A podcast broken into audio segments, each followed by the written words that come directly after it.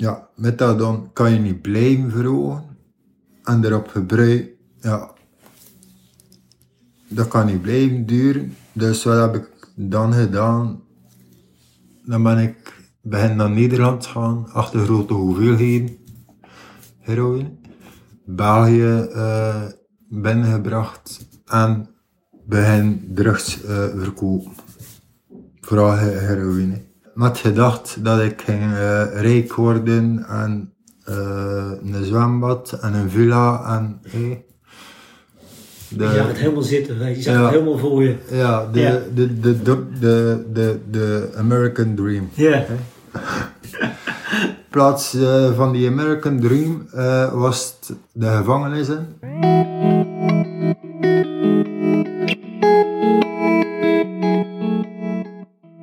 Welkom bij deze nagelnieuwe aflevering van de Kantelcast. Harry Gras spreekt met Olivier Remout, een medewerker van De Moester een fantastisch dagactiviteitencentrum midden in de natuur, on the outskirts van Gent in België. Als je wilt weten hoe je vanuit een kansloze situatie succesvol kunt herstellen, dan loont het om deze podcast helemaal te beluisteren. Oké, net als ik, die het gesprek voor het eerst hoorde, laveer je wellicht van ontzetting naar veroordeling, naar ongeloof. Maar als je echt tot het einde luistert, dan hoor je ook herstel, moed, ausdauer en de held in Olivier.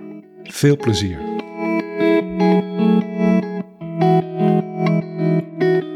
Goeiedag Olivier Remote zit hier tegenover me. Ik heb jou leren kennen in de Moester. De Moester is een, ja, een dagbestedingsplek, een bijzondere plek in Gent. En jij bent iemand met geleefde ervaring. Ja, dat en, klopt. En werkzaam in de Moester. Kun jij eens vertellen als ik die, die grote groene hek doorloop, waar ik dan terecht kom? Wat is de moester? Uh, de moester is een ontmoetingsplaats voor mensen met een uh, psychische kwetsbaarheid, maar ook evengoed voor mensen die eigenlijk nooit in de psychiatrie hebben gezien. Hey? de mens van de, van de straat is daar ook welkom. Ah, oké. Uh, wat is de Moester juist? Dat is een dagactiviteitscentrum. Wij organiseren dus activiteiten, maar de bedoeling is dat de activiteiten niet vanuit ons uitkomen, maar vanuit de cliënten. Het is niet wat wij willen, het is wat dat de cliënt wil. We kijken ook uh, naar hun kunnen, hun krachten. En daar gaan we ook mee aan de slag. Ja, ik kwam daar voor het eerst, en dat is volgens mij twaalf jaar geleden al. En nog steeds kom ik er vaak. En ik ben er nog steeds van onder de indruk. Er komen daar 60 tot 80 man per dag. Echt. Zonder indicatie. Dat is niet te vergelijken met Nederland.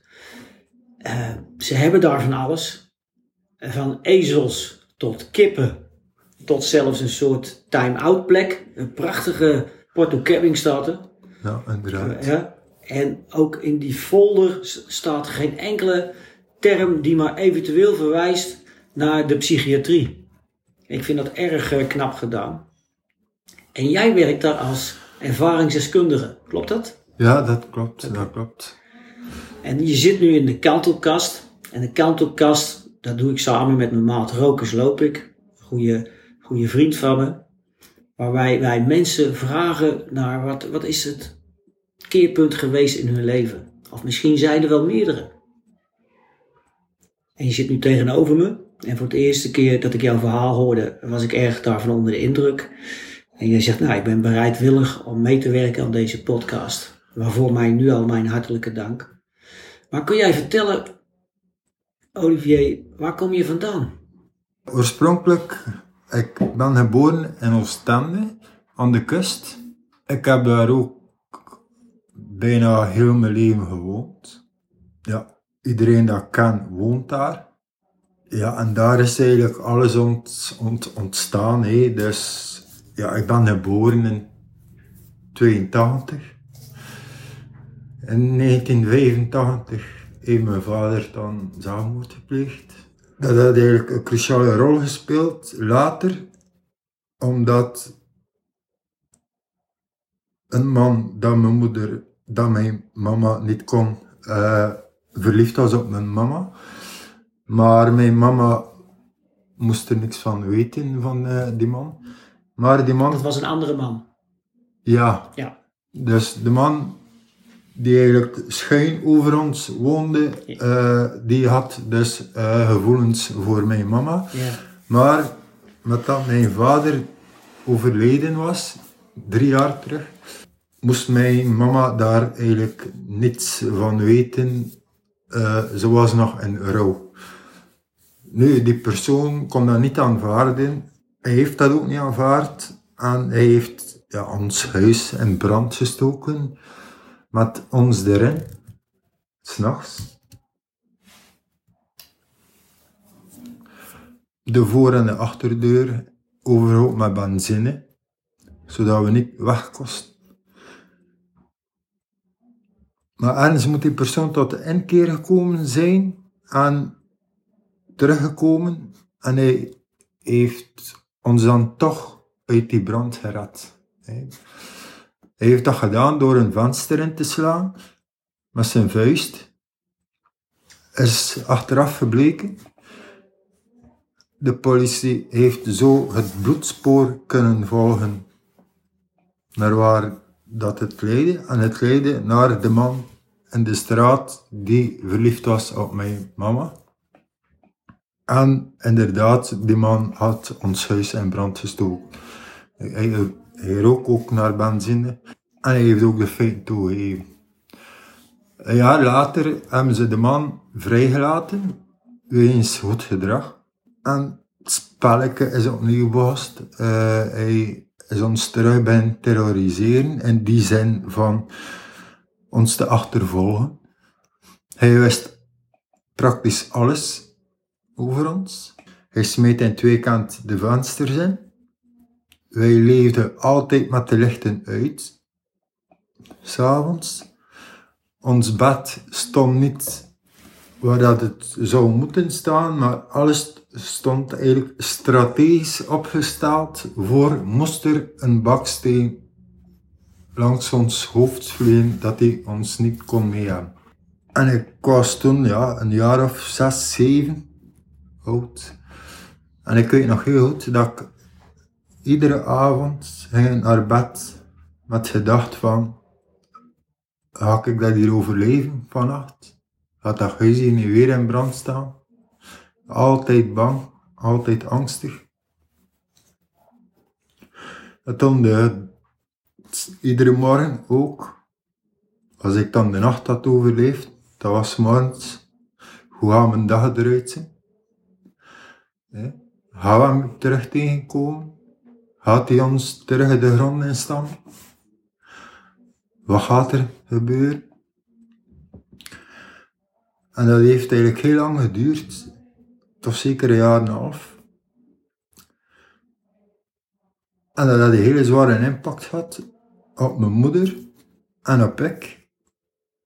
In die zin dat mijn mama eigenlijk verslaafd is geraakt aan de medicatie en alcohol. En ook op café ging en zo de verkeerde mannen eh, tegenkwam. Eh, ik heb vrij veel gezien hoe mijn moeder in elkaar werd geslagen. Ik zelf ben ook gekleineerd geweest tot en met. Soms denkt men, allee, de man is opgepakt, is opgelost, maar eigenlijk begint nog maar de miserie. Mijn ma was verslaafd aan eh, benzo's, dus Valium, Lexotan, alcohol, al die slagen. Dus op den duur was ik liever op straat dan thuis. En op straat kreeg ik wel de aandacht die ik verdiende, dacht ik. Op straat had ik wel goede vrienden die wel luisterden, dacht ik. Maar alles was beter of thuis. Nu, ik heb ook een hele tijd rondgelopen met uh, zelfmoordgedachten. Ik woonde toen op het eerste verdiep. Er waren dertien verdiepingen. Ik heb ook effectief op het dak gestaan om te springen. Maar ik heb het toen niet gedaan, gelukkig. En ja, toen heb ik cannabis leren kennen. Mijn vrienden zagen ook aan mij dat, er, allee, dat ik niet goed liep. Ze hebben toen uh, gezegd van, je probeert een keer een jointje. Ja. Hey, dat, die, dat die druk wegvalt. Ik heb dat toen geprobeerd, dat was zalig in begin. Maar na een tijdje werd ik daar toch paranoia van, paranoïd. Achtervolgingswaanzin, ik weet niet hoe dat ik het moet verwoorden. Uh, en ben ik overgeschakeld eigenlijk op heroïne. Ik heb toen de heroïne leren kennen. En dat was eigenlijk de drugs die eigenlijk mij naar de zevende hemel heeft gebracht, bij wijze van spreken. En ik heb eigenlijk 16 jaar, ja, 16 jaar met mijn hoofd op tafel gelegen, op mijn eigen wereldje, waar dat er mij niemand kostte pijn waar dat er geen druk was, geen miserie, niks, gewoon rust. Nu, natuurlijk, die heroïne kost geld. En als jonge gast, en ik was toen zelf nog geen 18, ik ging nog naar school. Heb je niet veel geld, dus ja, moest ik beginnen stelen. Mensen in elkaar slaan. Uh, ik deed van alles om maar aan geld te geraken, om niet ziek te worden van die heroïne. Ik kon ook niet naar de hulpverlening, want ik was minderjarig. De hulpverlener, ik wist ook dat de hulpverlener direct contact ging opnemen met mijn moeder om te zeggen dat ik aan de heroïne zat. Dus dat was geen optie. Dus ik was eigenlijk verplicht om te blijven gebruiken van mijn 16 tot aan mijn 18. En de dag dat ik 18 ben geworden, kon ik naar Tim Sok. Wat is dat, Tim Sok? Tim Sok is een, uh, is een, uh, een centrum waar dat ze uh, methadon geven. Okay. Mensen die een heroïneverslaving hebben. Je kunt daar ook terecht bij, de, bij een dokter een psycholoog, gewoon voor een gesprek of een voedselpakket, spuiterel. Nu, die methadon, in het begin was dat wel goed, ik was daar goed mee, maar ik merkte ook wel dat ik telkens meer en meer nam en op den duur ook uh, erop gebruikte. Ja, methadon kan je niet blijven verhogen en erop gebruiken, ja, dat kan niet blijven duren. Dus wat heb ik dan gedaan? Dan ben ik begin naar Nederland gaan, achter grote hoeveelheden heroïne. België uh, binnengebracht en begin drugs uh, verkopen. Vooral heroïne. Met gedacht dat ik ging uh, rijk worden en een zwembad en een villa en de, je zag het helemaal zitten, je zag het helemaal voor je. Ja, de, ja. De, de, de, de, de, de American Dream. Ja. In plaats uh, van die American Dream uh, was de gevangenis in. Ik heb er ook niks aan overgehouden, in tegendeel. Ik ben alles kwijtgeraakt. Oké, okay, de gevangenis in. Ben dan, uh, ik heb een maand in de gevangenis gezeten. Ben buiten gekomen. De dag samen nog hervallen. Ja, en hervallen betekent in Nederlands terugvallen. Terugvallen. Ja, en in ja. het Belgisch, jullie zeggen dat, je zegt dat mooi hè? Ja. Het is veel zachter ook hè, hervallen. Hervallen, ja. terugvallen, ja. ja. dat was eigenlijk de dag zelf nog en ja, dat, dat deed mij allemaal niets. Allee, het valt mij sterk op nu hoe weinig emoties en hoe weinig gevoel dat ik eigenlijk nog had. Ik heb heel veel vrienden verloren ze kwam het me vertellen en ik deed gewoon verder met mijn gebruik. Hé, Olivier, je beste vriend is gestorven. Ah ja, dat is jammer.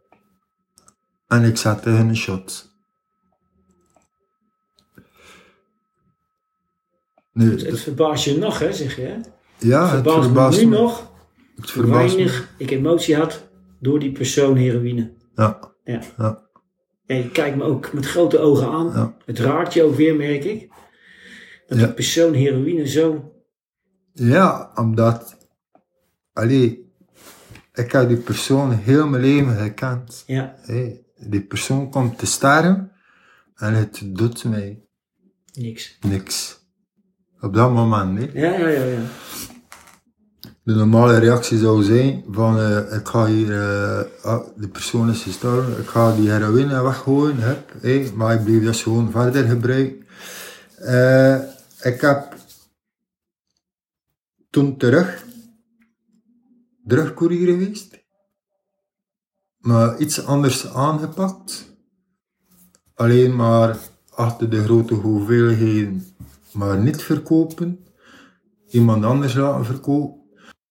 En zo kon ik eigenlijk ja, voldoen in mijn eigen gebruik, zonder dat ik eigenlijk veel mensen aan mijn deur had. Hé, want er was iemand anders die het verkocht. Ik had mijn eigen gebruik, de andere persoon had zijn eigen gebruik. En iedereen was tevreden. Tot op een zekere dag dat ik eh, naar eh, het stad ben gegaan in Oostende. Naar de winkelstraat.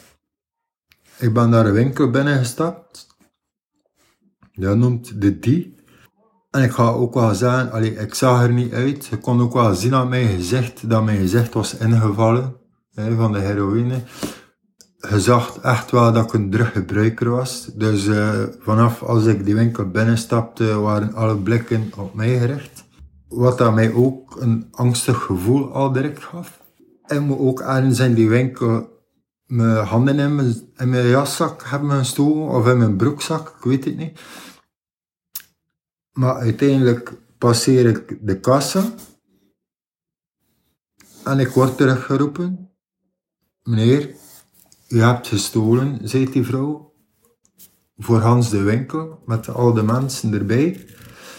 Eh, waarop dat ik eh, licht geïrriteerd ben geraakt. Hey, mijn zakken heb Ondertussen was mevrouw politie aan bellen. Politie is erbij gekomen. Politie is zeer agressief tegen mij te keer gaan. Eh, op een gegeven moment wilden ze me fouilleren. Eh, ik heb gezegd van oké, je mag mij fouilleren, maar op een aparte plaats, hier niet het midden van die winkel tussen al die mensen. Dat werd geweigerd. Toen heb ik teruggeweigerd van me te laten fouilleren en is de politieman op mij afgevlogen. Waarop ik hem een vuistslag ja, heb verkocht. Toen is een collega op mij gevlogen. Heeft mij eigenlijk echt in een wurggreep gehouden. Eigenlijk en zodanig gewurgd dat, dan, dat mijn ogen, de aderen van mijn ogen eh, kapot gesprongen waren. Ze hebben het dan geboeid in de combi gelegd. Waarna dat er een collega van die politiemannen zijn handschoenen aandeed en begost op mijn gezicht te slaan. Ik was mij ook niet afweren, want ik was geboeid op mijn rug. Dus ik, het enige dat ik kon doen was hopen dat ik zo snel mogelijk in het politiebureau was. Eenmaal daar aangekomen, politiebureau, ben ik uit die combi gestrompeld. Meer dood dan levend. Ze hebben direct een ambulance gebeld naar het ziekenhuis. Daar bleek dat mijn oogkast eh, gebroken was. Eh, mijn kaakbeen was gebroken. Ik, had, ja, heel, ik zat helemaal onder bloed. Bijna dat de verpleegkundige ook vroeg van, ja, hoe komt dat? Wie heeft er dat aan gedaan? Ik heb toen ook eerlijk geantwoord van, het zijn die twee politiemensen hier naast mij. Waarop ik eh, terug antwoord kreeg van de politiemannen. Vergeet niet dat u nog terug mee moet met ons. Dus het kwam over als een dreigement. Hé, want als je niet zwijgt, ga je er iets terug van. Ja, dan ben ik eh, voor de onderzoeksrechter moeten komen.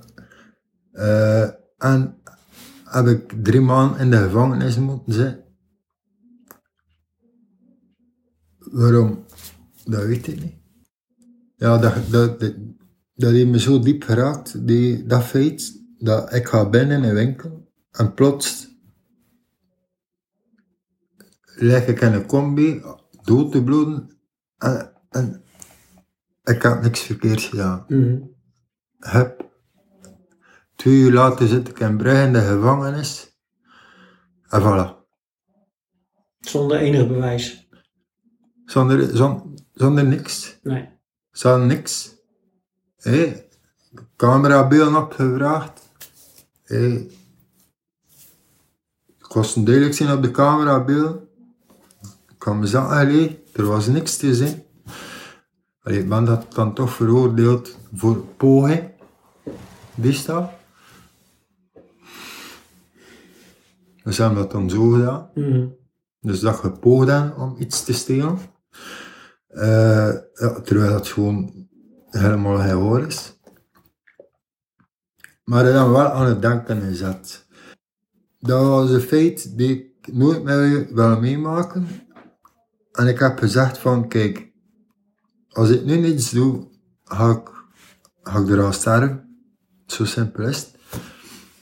En ik heb toen het folderke uit mijn zakken genomen dat ik destijds eh, had meegenomen uit de sleutel, uit CIC.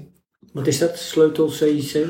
Eh, dat is een, ont, eh, dus eigenlijk een plek waar dat je een aantal weken kunt zitten om te ontwennen, hey, lichamelijke ontwenning, hey, voordat je dan naar een overgeplaatst wordt naar eh, het CGG of, of, eh, of het TGG. Een soort ja, therapeutische gemeenschap. Ja, en daarvoor ga je naar een detox. Ja, ja, Ah, Oké, ja, ja, ja, nee, ja, duidelijk. ja, ja. Oké. Ja. Dus, maar daar, eh, daar ben ik ook buiten gesmeten, want ik en bevelen, dat gaat ook moeilijk samen. Ik word niet graag eh, beveeld. Maar ik had dus dat folderke bij. Ik heb toen contact opgenomen met het ziekenhuis, Sint-Jan en Ikro.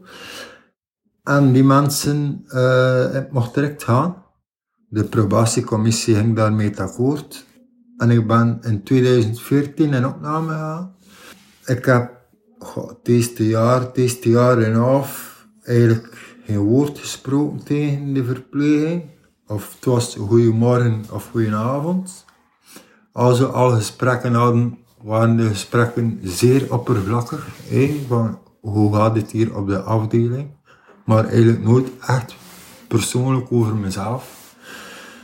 En eigenlijk pas na een jaar, een jaar en half, ja, gewoon door doordat de verpleegkundige eigenlijk iets deelde over haarzelf, schepte dat ergens een band, een vertrouwensband, waardoor dat ik ook begin vertalen ben. En zo is die muur om mij heen eigenlijk st- steen per steen afgebroken.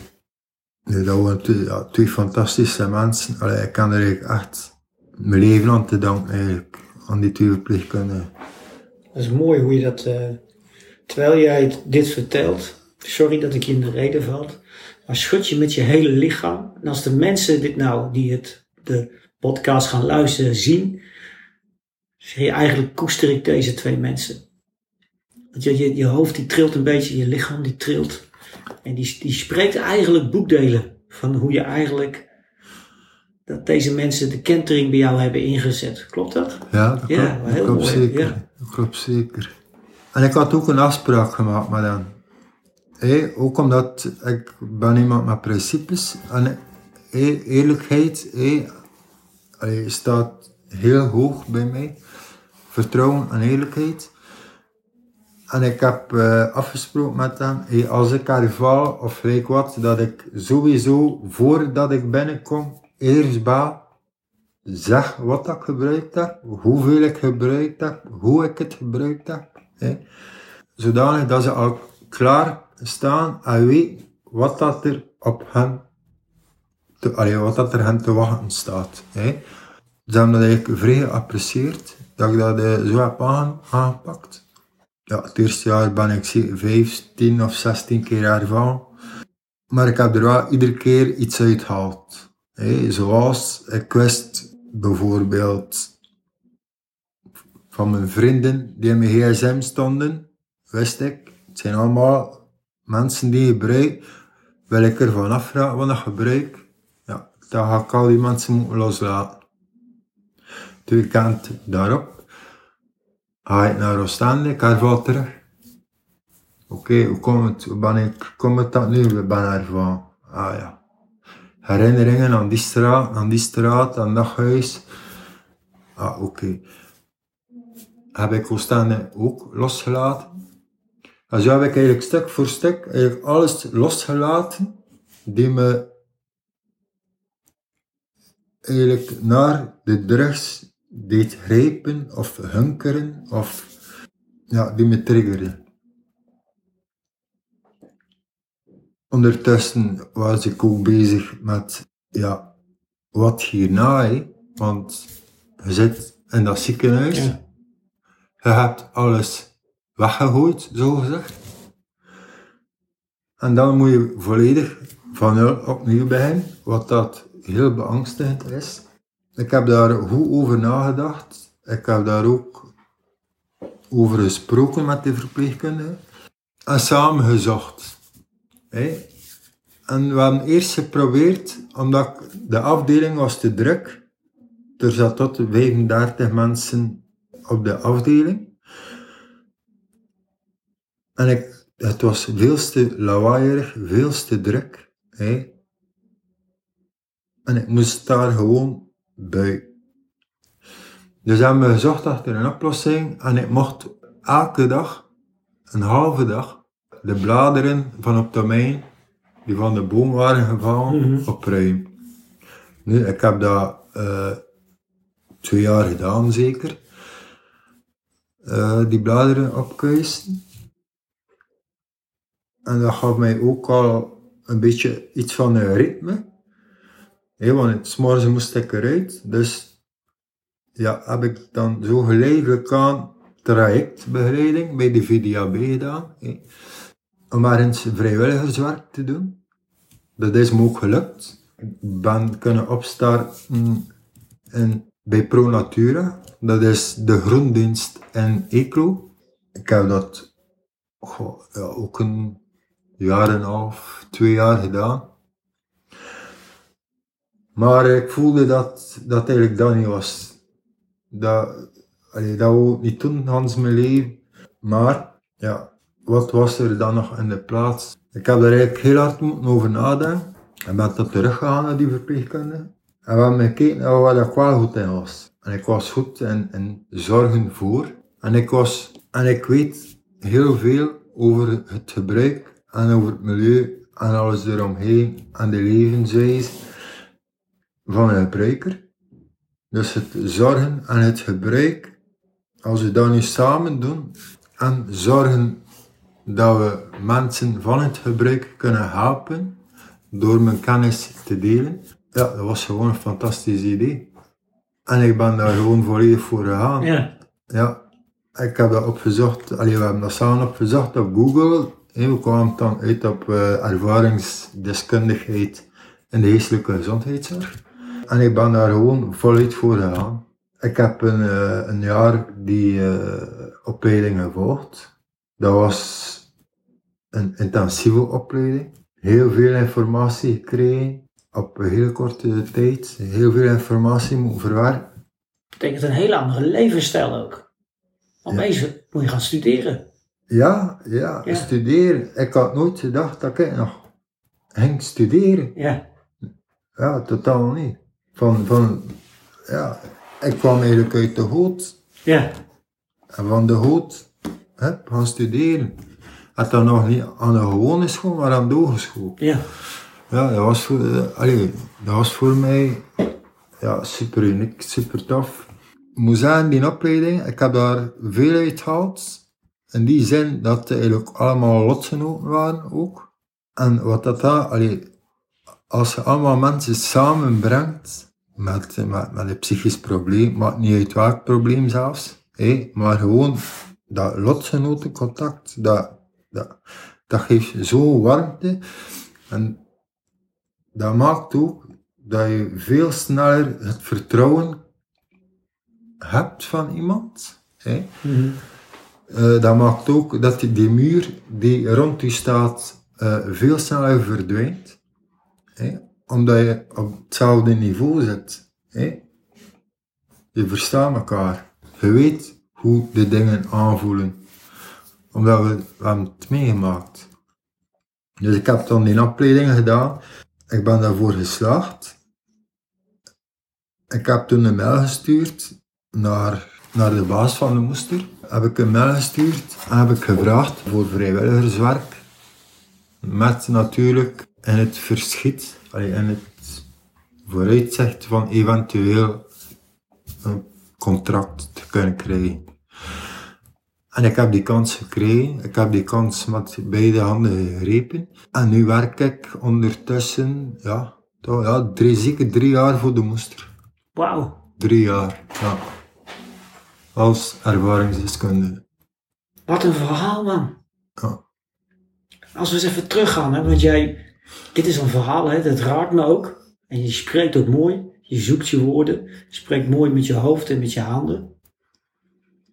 Je werkt drie jaar voor de moester, maar, of, en je bent meer als je verhaal, hè. Je bent ook gewoon Olivier. Of Ja. Olivier. Olivier, ja, is ik- een beetje Utrechtse, Olivier. We zeggen Olivier, je moet er ook lachen. Hey, en, en hoe is het verder gegaan met de, de moester? Maar ja, je, je bent ook een man die eh, behoeftes heeft, op zoek is naar. Heb je bijvoorbeeld een vriendin gevonden? Of, of- ik, ik zit maar zo te raden een beetje. Hè? Ja, ik heb, eh, ik heb iemand leren kennen. Dus eh, ik heb alles moeten achterlaten. Dat was eigenlijk een volgende uitdaging. Allee, uitdaging. Toen dat ik nog in het ziekenhuis lag, op het laatste van mijn opname, eh, heb ik me ingeschreven op een datingsite. Hey, toe. Baat het niet, gaat het niet. Hey, ik had niks te verliezen. Ik had alleen maar te winnen. En ik moet zeggen, ik heb ook gewonnen. Ik heb een, eh, een schat van een vriendin leren kennen. Ik heb echt een super toffe eh, stiefzoon en een stiefdochter. Alles wat ik ooit van gedroomd heb, heb ik nu, heb ik nu bijna bereikt. Oké. Hey, en weet je nog als de dag van gisteren dat jij je vriendin voor het eerst ontmoette? Ja, Hoe was dat? Dat was 1 mei 2017, dag van de arbeid, Je weet het in het station van Gent Sint-Pieters. Ja? Ja. Hoe ging dat? Ja, ik had gezegd tegen haar van, eh jongen, niet verschieten. Hé, ik ben twee meter groot en ik weeg wel een... Ja, ik ben een, een zwaar persoon. Alleen, ik heb een maagoperatie ondergaan. hé. Maar vorig jaar, of twee jaar geleden, woog ik 160 kilo. Ja. En ik weeg ook wel wat. Hé, ik ben struis gezet, ik ben twee meter, niet verschieten. En je moet ook niet bang zijn, hé, ik ga je niet opeten. Oké, dus dat was goed voor haar. Ze had dan gezegd van, oké, ik ga mijn hoge hakken aandoen. Hè. Want ik ben maar een meter eh 63. Ik zei, ja, doe dat maar. ja. En eh, ja, ik zag, haar, ik zag haar zo van de roltrap naar beneden komen. Ja. En ik herkon haar aan haar jas. Ik had een foto gezien op Facebook van haar met dezelfde jas aan. Ik, ik zwaaide en ja, ja. Ze me natuurlijk direct gezien. Dus ze zwaaide terug. En toen zijn we eigenlijk de hele dag in hand gaan rondlopen. En allee, ja, het moet er niet om me doen, maar hadden zo'n grappige dag, die dag. Dus we gingen nergens bij, gelijk in de frituur. Zij vroeg iets, een pakje friet met, eh, weet ik veel, met, met, met stoofvlees. hè.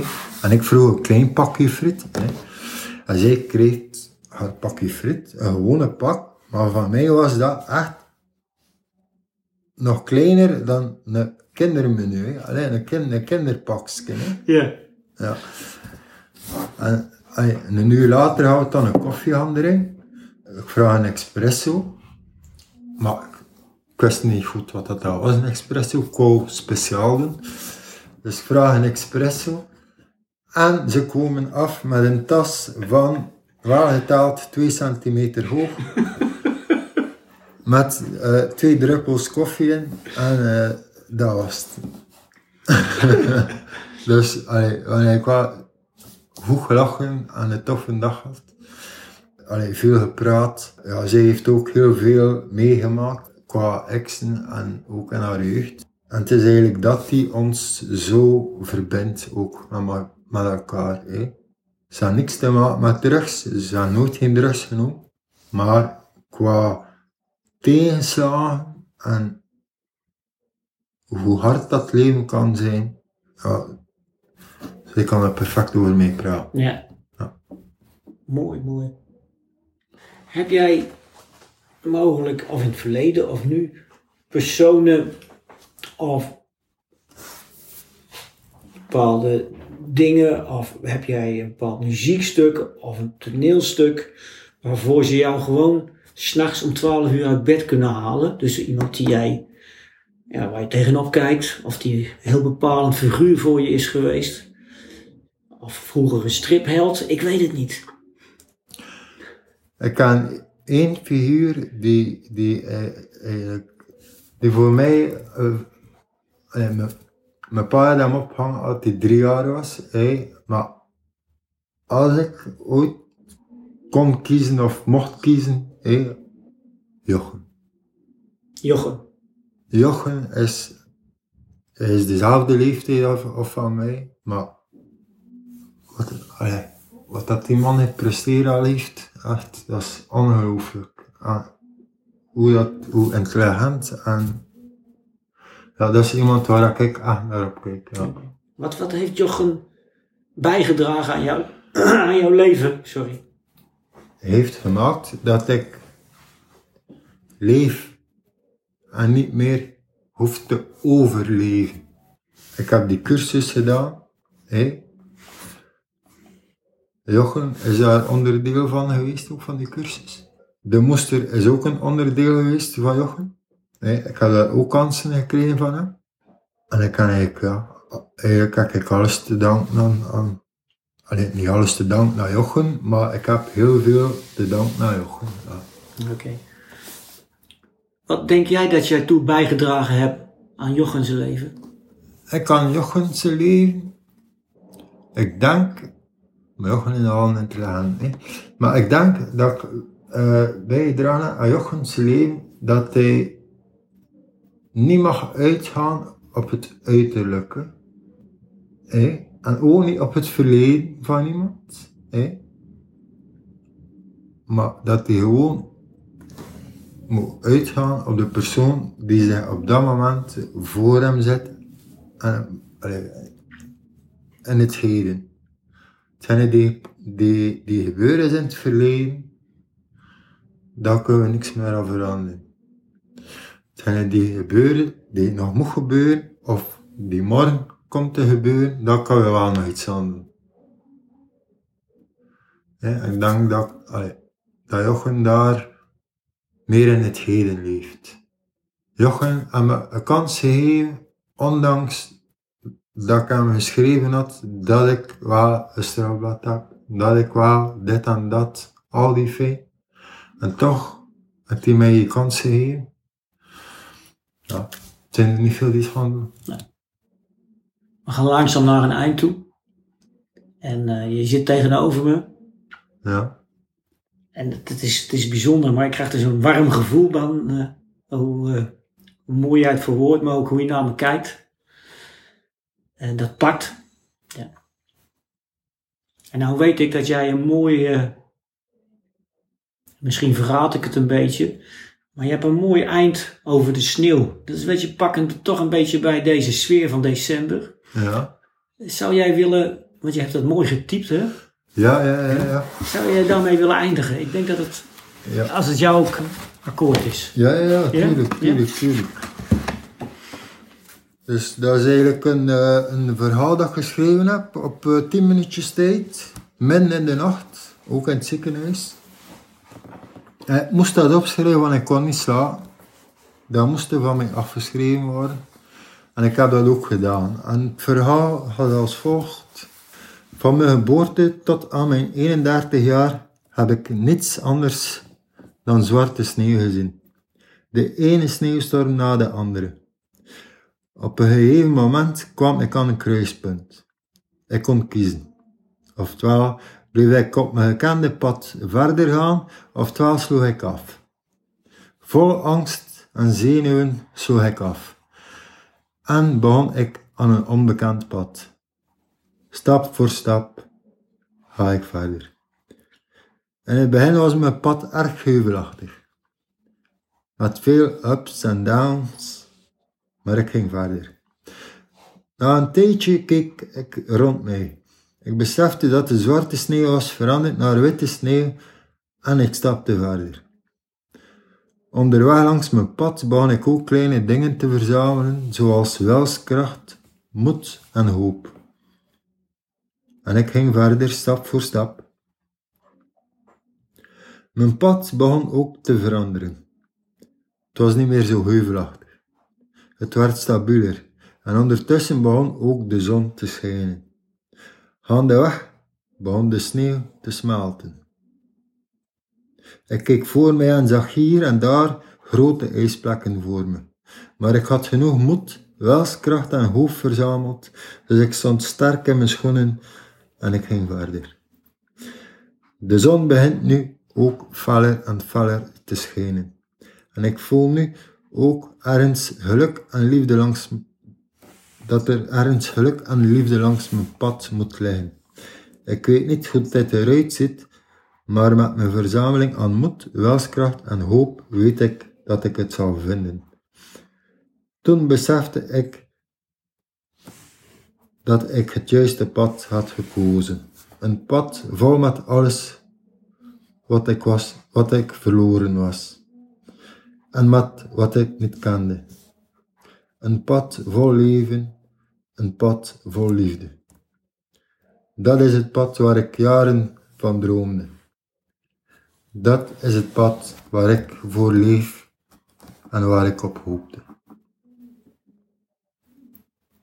Einde verhaal. Dankjewel. Dankjewel voor deze les. Alsjeblieft, Harry.